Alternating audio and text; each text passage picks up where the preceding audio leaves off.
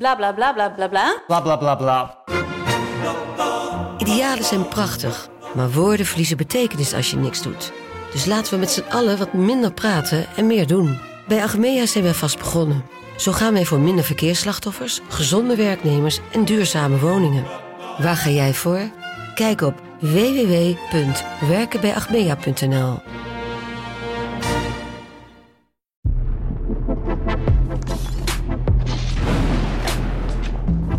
Sander, goedemorgen. Nieuwe VZSM. Het is dinsdag 6 september. En de Champions League gaat beginnen. Ja, heerlijk hè? Ja, ja het is toch fijn dat, uh, dat de transferperiode erop zit. Deadline day gehad en dan gewoon een week later uh, weer knallen. Champions League. Dat is toch lekker? Eigenlijk vanaf de loting heb je al zin in, in de wedstrijden. We hebben natuurlijk de hele week mooie wedstrijden. Maar laten we de wedstrijden van dinsdag eens bijpakken. En dan bijvoorbeeld PSG tegen Juventus eruit pikken. Ja, dat is wel een van de, van de leukere qua affiche. Hè? Want ja, je hebt ook wedstrijden... Uh, met wat, ja, wat kleinere clubs. Hè? De, de, nummers uit uh, of de clubs uit pot 4. Ja. Uh, nou ja, dat is misschien minder aansprekend, maar kan best wel leuk worden. Maar ja, PC tegen Juve is natuurlijk wel een wedstrijd die eruit springt. Waar we allemaal wel naar uitkijken met nou ja, Messi, Neymar, Mbappé. Ja. Kijken wat die kunnen uitrichten. dit moet toch wel weer het jaar worden van PSG in de, in de Champions League. Dat zeggen we eigenlijk ieder jaar. Ja. En ook van City. Maar ja, gaat het nou eindelijk eens een keer lukken? Ja, toch heb je voor het eerst, uh, gisteren in het elftal van de week in het rondje, hebben we het uitgebreid gehad over PSG. Uh, ten opzichte van vorig seizoen zie je wel meer een team dit seizoen ontstaan. Ben je het daarmee eens? Een beetje wel, ja. ja, ja. En misschien dat ze toch allemaal een beetje wennen aan elkaar. Hè? Dat de egeltjes een plek krijgen in, in dat team. Ja. Uh, misschien dat de trainer daar ook nog een invloed op heeft. Uh, ik, ik ken die man verder niet hoe hij als, als trainer fungeert. Nou ja, hij zet Neymar op de bank. daar hoor je verder niets over. Ja. Nou, Messi wordt gewisseld. we krijgen geen misbaren. Dus in die zin denk ik dat hij redelijk de orde, tenminste een beetje orde op zaken heeft gesteld daar. Ja, nou ja, dat is misschien wel iets wat hij, wat hij moet doen. Hè? Je ziet het ook bij, bij United. Dat Ten Hag iemand als Ronaldo gewoon op de bank zet. Nou ja, dat moet ook gewoon kunnen. Hè? Het moet niet zo zijn dat als je de ster bent... En uh, je loopt de kantjes ervan af dat je, dat je niet op de bank terecht mag ko komen.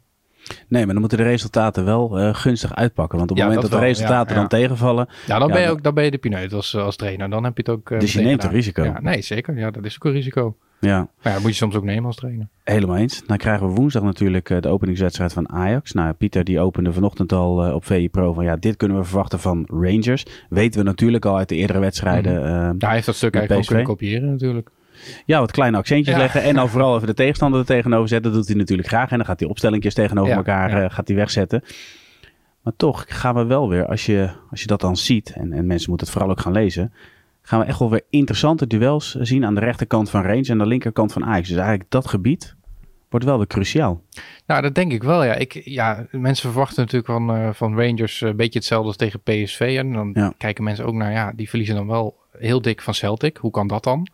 Ja, dat zijn natuurlijk ook gewoon weer wedstrijden op zich. Maar uh, ja, Ajax schat ik wel iets hoger in dan PSV uh, in, in dat opzicht. En ja, Ajax in de Champions League is toch vaak de afgelopen jaren wel heel erg sterk gebleken. Ja. Ja, thuis moeten ze dat zeker winnen. Maar het, het wordt wel interessante duels hoor. Want ik vind ook in die pool, ja, er zit geen enkele makkelijke wedstrijd tussen. Je hebt uh, ook uit pot 4 Rangers, is echt geen makkelijke tegenstander. Ja, probeer daar maar eens uit uh, van te winnen. En dan kun je zeggen van ja, Celtic doet het wel, maar ja, doe het maar eens. Precies, precies. Uh, verder deze week natuurlijk ook PSV en Feyenoord komen in acties. Zeker tegen Feyenoord Lazio wordt echt een mooie wedstrijd. Ja, zeker. zeker. Um, maar laten we even doorgaan naar het volgende onderwerp, Sander. Jij volgt uh, NEC, maar je volgt ook de keukenkampioen-divisie. Uh, gisteren een aantal wedstrijden. De jongteams kwamen vooral Kleine in acties. van de Champions League naar, naar de keukenkampioen-divisie. Ja, Ja, maar dat kan. Ja. De andere kant, de namen, weet je. We, we, nou, laten we starten met Jong Ajax Heracles. 4-0 voor Jong Ajax. Ja. Ik ben daar wel door verrast. In die zin dat ik zeg van ja, weet je, Heracles hoort bij de favorieten voor de titel. Logisch ook, hebben daar de selectie ook voor. Maar worden eigenlijk gewoon eenvoudig opzij gezet tegen Ja. de talenten van Ajax. En als je dan, ja, laten we Conceição er eens uitpikken. Scoort weliswaar niet, maar jeetje, want die was wel op dreef. Ja, nou ja, het, het was niet eens geflatteerd. Hè. Het had nog hoger kunnen uitvallen voor jonge Ajax. Want Heracles viel echt heel erg tegen. Ik vond ze tegen MVV was het ook wel heel matig. Hè, dat ze gelijk spelletje eruit haalden. Ja, Maar ze werden gewoon helemaal weggetikt. En uh, Ajax kreeg volgens mij in de eerste helft voor die 1-0 ook al een hele hoop kansen dat ze de score hadden kunnen openen. Maar het had nog veel meer kunnen worden. Het had 5-6-0 kunnen worden. En dat Ja. is toch wel ja, schrikbarend voor Heracles. Hè. Je ziet vaak voor het seizoen denk je al van keukenkampioen-divisie. De degradant gaat altijd zo'n wedstrijd meemaken hè, bij, bij Jong PSV of bij Jong Utrecht. Ja, die je gewoon verliest. En wat ook vaak terecht is. ja, Ja, dit is zo'n wedstrijd voor Heracles. Uh, ze hebben een hele goede seizoenstart gehad. Hè. ADO uh, van de mat getikt. Gewoon goede wedstrijden gespeeld. Ook goed voetbal.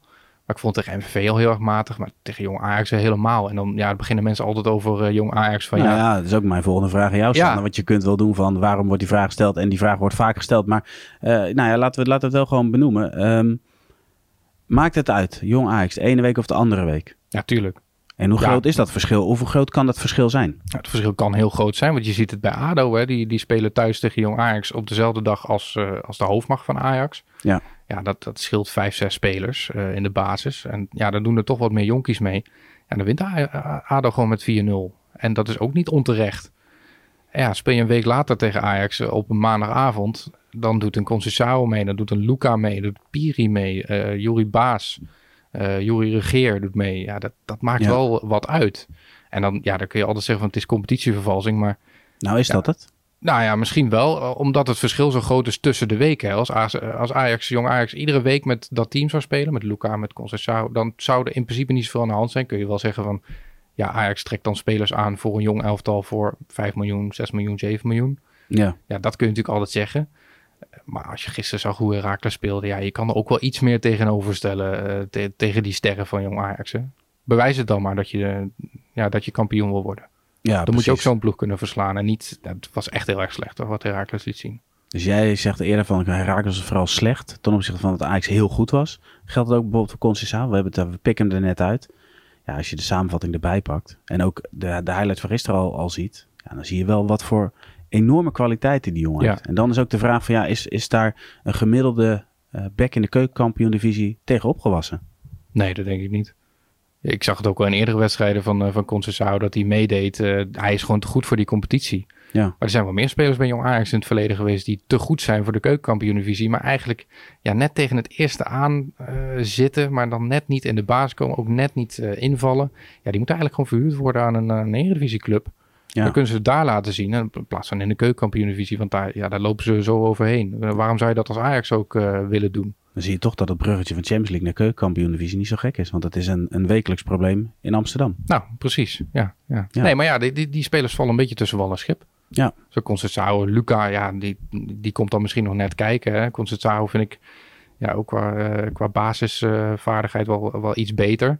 Die heeft ook in de hoofdmacht wat meer laten zien bij, uh, in Portugal. Maar ja, ik vind het wel... Uh, ik vind als, je, als er zijn, dan moet je je ook wel achter de oren krabben hoor. Want dit was echt wel uh, heel matig. Duidelijk, al dus de watcher van de keukenkampioen-divisie. Uh, dan gaan we naar de rubrieken meest gelezen op VI.nl en meest gelezen op VI Pro. We beginnen met VI.nl. Ja, Neville is in ieder geval groot fan van Taro Malasia.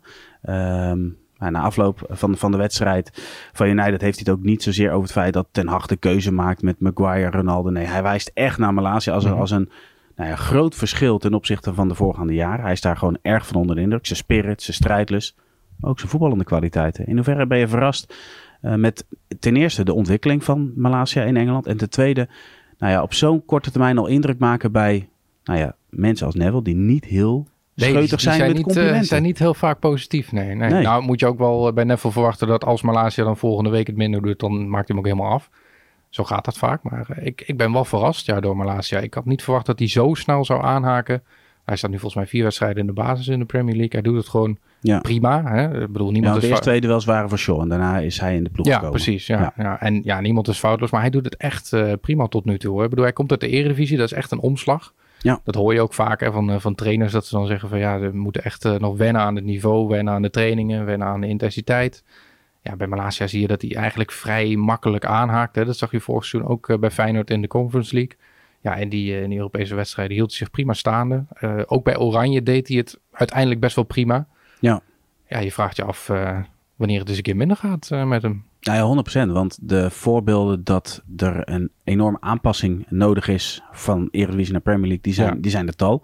Eh, we hebben het eerder al gehad over de jongens die echt, laat maar zeggen, vanuit de top van de Eredivisie die kant op zijn gegaan, geen baasspeler worden.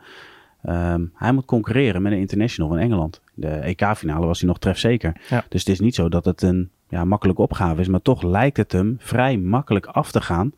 En is er helemaal geen discussie meer op Old Trafford. Hij is gewoon de linksback. Net zo goed als Martinez de linker centrale verdediger is. Ja. Maar daar stond voorheen de aanvoerder van United. Ja, ja kun je nagaan. Ja, ja. Ja, maar, Nee, wordt, het, het is niet zo eh, eenvoudig als men soms doet overkomen. Nee, zeker niet. Nee, maar het, het helpt ook wel voor Malasia natuurlijk dat, dat Ten Hag de manager is. Hè? Dat, hij een, dat er een Nederlander zit die hem kent, eh, die hem vertrouwen geeft. En dat, dat helpt wel heel erg als jonge speler dat je daar staat. Mhm. En dat er een manager is die zegt van, joh, wat je ook doet, jij blijft gewoon staan.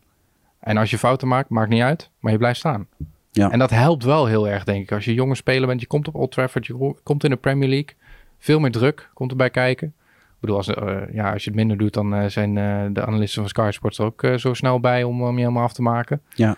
Ja, hou je daar vooral buiten, zou ik zeggen. Maar nee, ik, ik vind dat wel knap. En daarin is de rol van Ten Hag is, is gewoon duidelijk. Dat is ook met, met Martinez, met Anthony.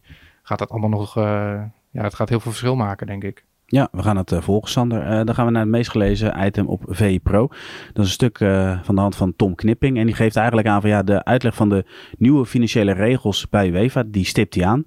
Waarbij hij ook direct zegt van ja, de opdracht van Ajax wordt nog zwaarder. Want de grootste verandering, ik lees hem even voor, de invoering van een selectiebudget, oftewel limiet van ja, de salaris- en transferuitgaven.